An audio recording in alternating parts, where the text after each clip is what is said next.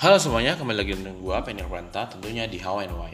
Oke, kali ini gue akan ngebahas kembali tentang kelanjutan yang kemarin yaitu Agile Leadership. Hari ini kita akan ngebahas satu hal yang ketika lo udah punya mindset daripada Agile Leadership itu akan lebih mudah ketika lo akan mau bikin uh, organisasi yang lebih baik maupun juga uh, tentang bisnis ataupun uh, proyek sosial yang mau lo lakuin ke depannya gitu. Next kita akan bahas Scrum. So apa ya sih kak Scrum itu? Jadi si Scrum ini adalah sebuah uh, apa ya kita bilangnya kerangka kerja proses yang sudah lama sebenarnya di dunia ini adanya. Kira-kira dia dimulai di awal-awal tahun 1990-an gitu adanya. Jadi uh, fokus pada si Scrum ini sebenarnya adalah bagaimana cara untuk mengelola dan melakukan pengembangan produk yang kompleks. Namun berjalannya waktu, si Scrum ini diadaptasi nih dari yang awalnya si Scrum ini uh, digunakan oleh teman-teman yang ada bekerja pada uh, startup maupun ya, pembuatan software maupun aplikasi lah kita bilangnya. Nah, diadaptasi untuk digunakan bagi uh, teman-teman yang mungkin di pemerintahan, di organisasi, dan juga di NGO-NGO serta lainnya gitu kita bilangnya. Bahkan sekarang saya lihat uh, teman-teman saya ataupun partner-partner saya itu mereka sudah menggunakan Scrum ini untuk mengembangkan bisnis mereka karena seperti uh, apa ya kita bilangnya the future uh, dari seluruh bisnis yang ada di dunia ini ya kita bilang nanti adalah uh, research and development ke depannya. So dari Scrum itu kita melangkah nih. Jadi apa sih tujuan daripada menggunakan Scrum? Jadi tujuan utama di menggunakan Scrum ini adalah bagaimana caranya kita membuat suatu produk ataupun kegiatan ataupun mungkin kalau dalam organisasi policy ataupun proker gitu kita bilangnya kan uh, dengan nilai dan kualitas yang tinggi setinggi mungkin gitu loh. Jadi uh, di atas dari standar dua kali lipat atau tiga kali lipat dari standar yang sebiasanya gitu. Nah uh, tentunya ini semua dari berbagai riset lah gitu kan. Nah, ternyata si Scrum ini dewasa ini dipakai nih oleh perusahaan-perusahaan besar seperti Google, seperti uh, Grab, Gojek. Nah, mungkin buat teman-teman yang pernah memfollow live at Gojek itu pasti bakal pernah lihat gitu loh. Nah, jadi uh, apa sih unsur utama daripada uh, apa ya si Scrum ini? Jadi unsur utama di Scrum ini sebenarnya hanya hanya ada tiga sih tiga ini adalah tokoh utama atau pemeran dalam uh, organisasi ataupun proses kerjanya. Yang pertama itu ada product product owner ataupun project owner. Ada juga yang kedua yaitu scrum master. Yang ketiga yaitu ada tim. Nah, siapa sih mereka dan apa sih itu gunanya mereka dan apa yang mereka lakukan? Kita bahas satu. Jadi pertama itu ada product owner. Product owner ini biasanya kita bilangnya kalau di bisnis tuh customer tuh bisa jadi salah satu product owner, bisa juga misalnya bos ataupun manajer dari suatu perusahaan, bisa juga misalnya ketua ataupun uh, apa ya bos anda di perusahaan anda gitu loh, yang ya banyak lah permintaannya mungkin gitu kan. Nah selanjutnya ada Scrum Master. Nah Scrum Master ini adalah orang yang mengatur keseimbangan antara product owner dan juga tim yang ada di bawahnya. Jadi dia menyeimbangkan dan mengkontrol bagaimana uh, mendeliver daripada uh, kemauan si product owner ataupun project owner ini supaya timnya bisa menyediakan apa yang dibutuhkan oleh product owner. Jadi ya ibarnya dia mensupply uh, demand yang ada uh, pada si project owner itulah ceritanya. So um, dengan demikian kita mulailah. Ibaratnya project owner ini oh, paling gampang kita yang diadaptasi lah kita bilangnya ya. Suatu organisasi lah kita bilang ada ketua di mana ketua itu misalnya mau bikin proker satu program kerja misalnya. Nah di program kerja itu mereka mau bikin uh, apa ya kita bilangnya uh, program kerja yang benar-benar program kerjanya itu bagus dan berkualitas. Nah, jadi uh, dengan demikian dia diskusi nih dengan Scrum Master. Dia sampaikan kepada Scrum Master, saya nggak mau tahu, saya mau bikin uh, program kerja yang benar-benar berguna, satu yang berkualitas juga, dan hasilnya itu uh, dengan singkat bisa digunakan. Seperti itulah. Karena kan Scrum ini dia apa ya lebih mengutamakan keringkesan dan juga hasil yang optimal gitu loh. Tapi selain tidak ada timeline waktu yang cukup pakem untuk uh, bagaimana bagaimananya gitu loh jadi product owner ataupun project owner ini menyampaikan pada Scrum nah si Scrum inilah fungsi utamanya menjaga dia ritme dari kiri dan kanan ataupun project owner dan tim. Si Scrum ini akan menyampaikan nih kepada timnya apa sih kemauan dari project owner ini, apa sih kebutuhan dari si bosnya ini gitu lah kita bilang kan. Nah, jadi karena dia bilang tadi dia mau bikin proker-proker yang bagus, uh, apa disampaikanlah kepada anggota tim. So tim akan mulai bekerja ketika sudah ada backlog. Loh apa sih backlog itu? terus apa aja lagi nih yang ada di situ gitu loh jadi teman-teman yang sudah uh, berkecimpung di uh, apa namanya tim yang ada di Scrum Master ini dia bakal uh, bekerja dalam satu apa namanya framework lah kita bilangnya ataupun canvas ya kali ya kalau yang gampangnya jadi di canvas itu kita sebutnya bukan canvas sih ada kanban board namanya. Kanban board itu ada empat utama ada empat uh, unsur utama. Yang pertama ada backlog ada to do ada ongoing dan juga done. So apa sih ini? Sebenarnya ini hanya sebuah metode bagaimana uh, memprioritaskan pekerjaan-pekerjaan yang harus dikerjakan secepatnya terus apa yang sedang dilakukan apa yang harus dilakukan dan uh, apa yang sedang dilakukan dan juga apa yang sudah selesai gitu loh. Jadi hanya apa ya merapihkan nih apa yang harus dilakukan. Jadi bekerja dengan arah seperti itu. Jelas dia bold stepnya apa yang harus dilakukan itu.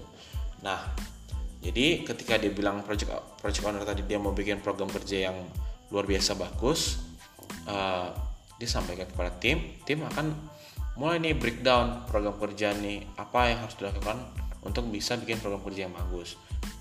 Oke pertama misalnya mereka harus berpikir dulu terlebih dahulu. Uh, mereka misalnya melakukan studi komparatif dengan uh, program kerja program kerja di luar misalnya dengan dari daerah-daerah lain seperti itu kan. Nah itu backlog pertama ataupun prioritas pertama setelah mereka melakukan uh, studi komparatif. Yang kedua mereka uh, melakukan misalnya uh, apa ya kita bilangnya kalau mereka sudah melakukan uh, studi komparatif mereka akan melanjutkan dengan uh, menuliskan nih apa yang harus uh, proker-proker yang bisa digunakan di daerah itu kira-kira. Terus apa nih uh, yang ketiga tuh misalnya mereka research apa nih masalah-masalah yang bisa uh, yang harus ditangani langsung gitu kan itu yang ketiga misalnya. Jadi yang pertama tadi sudah ada studi komparatif. Yang kedua tadi uh, list nih proker-proker apa yang uh, bisa dipakai. Yang ketiga mereka studi uh, studi and development di dalam lagi uh, di daerah mereka lagi. Apa masalahnya? Bikin problem tree-nya. Uh, baru yang keempat itu mereka list nih apa nih uh, yang proker apa yang bisa digunain. Gitu Terus yang kelima misalnya mereka breakdown. Uh, dari proker-proker yang sudah ada itu mereka bikin anal analisa turunannya lagi gitu. Sehingga bisa mereka bisa tahu yang mana yang bisa dipakai yang mana tidak bisa dipakai. Seperti itulah kita bilangnya. So kita setelah backlog sudah dituliskan dengan tim dan juga scrum master tim akan mulai bekerja. Pertama kan tadi uh, mereka kan melakukan studi komparatif atau dengan belajar yang keluar atau uh, dari tempat tempat-tempat lain atau organisasi lain kan. Nah dari situ mereka mencari-cari, cari-cari.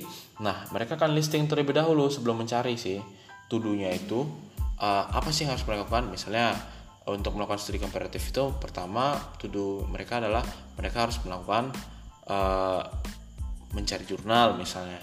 Terus mencari broker, terus mencari uh, networking ataupun uh, orang yang sudah berpengalaman di bidangnya, terus bertanya uh, apa sih yang harus dilakukan apa apa yang biasanya dilakukan uh, brokernya apa gitu. Nah itu misalnya, terus setiap poin-poin yang uh, di backlog tadi itu dibikin tudunya, list tudunya itu dibikin gitu loh. Nah setelah dibikin list to do-nya tuh tim akan mulai bekerja. Nah setiap uh, misalnya di backlog mereka bekerja di backlog pertama dulu. Nah cenderungnya ada sih kalau misalnya di beberapa social enterprise ataupun uh, project yang pernah dijalanin uh, kita kasih timeline sih biasanya. Misalnya uh, bakal di di setiap backlog tuh kita bakal kasih kira-kira waktunya berapa lama untuk ngesain satu backlog gitu loh. Saya cuman tiga hari kelar gitu loh. Atau dua jam kelar gitu. Nah itu harus dipikirin. Nanti sebelum dibikin dudunya uh, sebelum mulai dikerjakan tuh mereka backlog tuh bakal dikasih waktunya. Nah setelah itu mereka mulai bekerja tuh tim kan. Tim akan bekerja. Setelah tim bekerja itu mereka kan uh, bekerja mengerjakan tuh seluruh uh, tugas-tugas yang ada di tudu nah setiap tudu yang sedang dilakukan itu kan kita pindahkan dari Kanban board to do pindahkan ke ongoing. Nah, ketika ongoingnya sudah selesai, sudah dilakukan review kepada Scrum Master uh, dan juga tim, itu baru uh, mereka akan selesaikan atau pindahkan ke bagian done.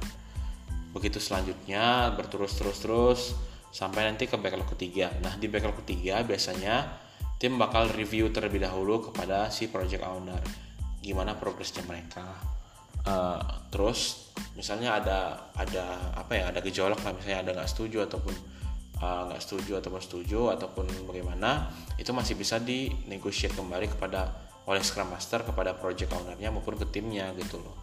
Jadi uh, untuk melanjutkan backlog backlog selanjutnya bisa diperbaiki ditambah ataupun dikurangi ataupun diimprove gitu loh when uh, stuck apa tas-tasnya itu ataupun tugas-tugasnya itu selesai semua. Nah uh, maka si proker-proker yang tadi sudah di list itu kan sudah dilakukan analisanya segala macam sudah selesai. Baru Scrum Master akan menyerahkanlah kepada project owner ataupun product ownernya itu bahwa ini loh apanya uh, apa namanya hasil program kerjanya kita hasil kerjanya kita proker yang bisa dipakai itu ini ini ini gitu loh. Nah tapi selain itu teman-teman aku mau nyampaikan juga nih bagaimana sih teknisnya tim itu bekerja? Jadi tim itu bekerja uh, dengan cara misalnya ada biasanya kita bilangnya ada sprint planning meeting. Jadi sprint planning meeting itu kita kan memilih nih uh, apa namanya uh, waktu waktu rapat yang cepat. Jadi misalnya 1 sampai 4 minggu tuh untuk rapat tuh udah selesai gitu loh. Jadi nggak lama-lama gitu. Jadi ya tadi yang gue bilang timeline itu nggak lama-lama gitu. Karena dia ringkes kan. Jadi setiap sprint itu ataupun uh, setiap perencanaan yang sudah ada di backlog itu ada ada orang yang akan mereview ataupun anggota timnya juga yang akan mereview dan juga menyampaikan gitu. Nah, ketika mereka bekerja, ketika mereka lagi mengerjakan misalnya uh, studi komparatif tadi, mereka akan selalu memulainya dengan uh, daily stand up meeting. Nah, daily stand up meeting ini apa sih? Jadi sebelum mereka memulai bekerja, itu mereka akan uh, berdiri uh, paling lama tuh 15 menit, dimulai dengan misalnya uh, apa ya berdoa terlebih dahulu, lalu ya seperti apa ya kita bilangnya uh, apa namanya ketika orang-orang di uh, mall-mall atau oh bukan di mall kalau misalnya kayak apa satpam satpam itu ah apel pagi ceritanya gitu. Kayak apel pagi tapi singkat aja 15 menit. Nah konten yang mereka bahas di situ hanya cek apa yang apa uh, berdoa terlebih dulu terus mereka uh, cek semangat cek anggota terus cek nih kepada anggota mereka. Biasanya yang melihat itu Scrum Master tapi tidak harus. Karena di daily stand up meeting ini karena sudah pakai agile leadership tuh mereka bakal apa ya karena opennessnya sudah terbuka semua bisa lead up di situ. Jadi semua bisa memimpin di situ. Even Scrum Master ataupun anggota dari tim itu yang akan lead up daily stand up meeting itu. Jadi um, ketika mereka stand up meeting itu paling lama 15 menit uh, mereka bakal ditanya juga oke okay, si A lu hari ini mau ngerjain apa? Oke terus hari sebelumnya lu udah ngerjain apa? Gitu. Oke deh gitu. Jadi ada sprint review terus uh, apa yang sudah dikerjakan apa yang mau dilakukan terus ada nanti yang terakhir tuh ada sprint retrospektif yang mana mungkin uh, kayak apa ya retrospeksi dari teman-teman kita kepada kita maupun dari kita ke teman-teman kita gitu misalnya ya evaluasi singkat lah ibaratnya. Oh ya kamu kemarin tuh misalnya terlalu kekeh banget nih ketika lagi diskusi gini gini gini. Atau mungkin ya simpelnya gitu. Jadi ketika stand up meeting ini semuanya harus berdiri dan hanya 15 menit. Tidak boleh 15 menit karena apa? 15 menit itu adalah salah satu apa ya indikator orang kalau rapat tuh pasti hanya sebegitu aja udah udah udah pasti dapat. Terus kenapa harus berdiri? Karena kalau kita berdiri itu konsennya masih dapat gitu. Oke okay, mungkin uh, untuk scrum sih itu aja. Uh, tidak terlalu banyak metode ataupun uh, cara-cara ataupun intrik-intrik yang terlalu bagaimana. Mungkin buat teman-teman yang mungkin mau bertanya lebih lengkap terkait scrum or maybe uh, bagaimana agile dan lain-lain bisa kontak gue via DM maupun uh, uh, email yang ada di Instagram uh, di Pranta mungkin silakan uh, kontak gue supaya gue bisa bantu teman-teman untuk mulai nih improve uh, teman-teman punya uh, mungkin proyek ataupun uh, organisasi.